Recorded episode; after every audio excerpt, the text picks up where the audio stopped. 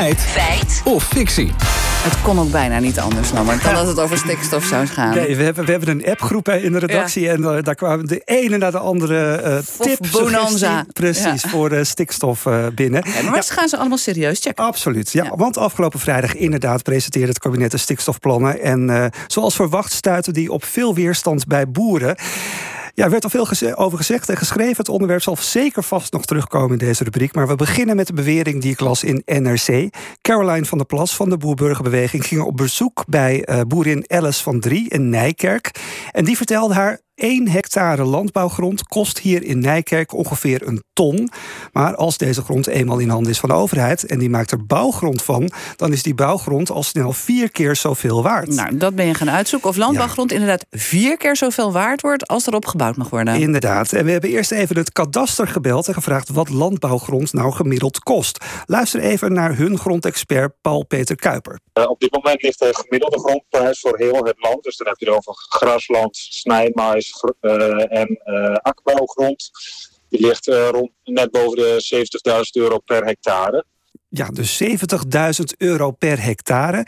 Bij de uitkoop van boeren gaat het vaak om uh, melkveebedrijven. Dus ik heb ook even specifiek gevraagd wat een hectare weiland, grasland gewoon kost. En een hectare grasland kost gemiddeld zo'n 60.000 euro. Nou, serieus geld dus, maar wordt landbouwgrond meer waard als er op gebouwd mag worden? Ja, daarvoor moeten we zijn bij Willem Korthals-Alters. Hij is hoogleraar grondbeleid aan de TU Delft en zegt dat er inderdaad veel met die grondwaarde kan gebeuren als er eenmaal huizen opgebouwd mogen worden. Wanneer ergens woningbouw kan plaatsvinden, dan wordt vanuit die woningbouwlocatie wordt gekeken wat er nog mogelijk is. En dat hangt heel erg af van de locatie in Nederland en de type woningbouw, wat de waarde is. Maar dat kan echt, de, de prijs kan meerdere keren over de kop gaan.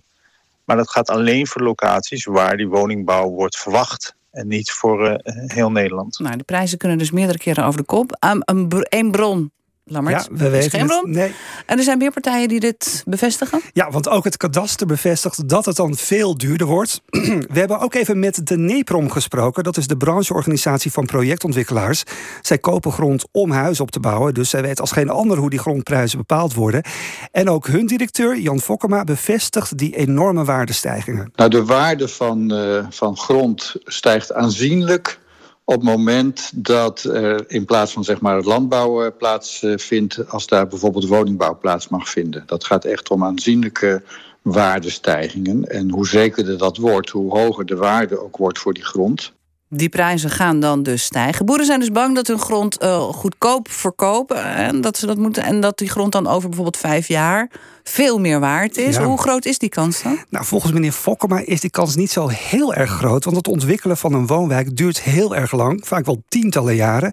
En verder benadrukt hij dat er maar een heel klein deel van die landbouwgrond in aanmerking komt voor woningbouw. Het gaat natuurlijk over grond in de nabijheid van stedelijk gebied.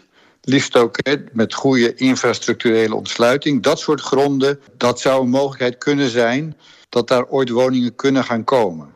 Maar voor, voor de meeste gronden geldt natuurlijk dat daar nooit woningen gaan komen. Dus dat daar zo'n prijsstijging helemaal niet aan de orde is. En hij zegt zelfs dat sommige landbouwgrond straks zelfs minder waard wordt, omdat er en geen huizen gebouwd gaan worden en het niet meer is toegestaan oh. om het te gebruiken voor intensieve landbouw. Oké, okay, dan gaan we toch even terug naar het begin. Boerin Alice van Drien die zei in het NRC dus dat landbouwgrond vier keer zoveel waard kan worden als er gebouwd kan worden. Is, ja. is dat dan feit of fictie? Ja, dat is een feit. Als er gebouwd mag worden, dan kan de waarde van landbouwgrond inderdaad keren over de kop gaan, tot wel vier keer. Maar belangrijk om eraan toe te voegen, voor het gros van de landbouwgrond is zo'n waardevermeerdering niet realistisch, omdat er maar op een heel beperkt aantal locaties gebouwd zal gaan worden.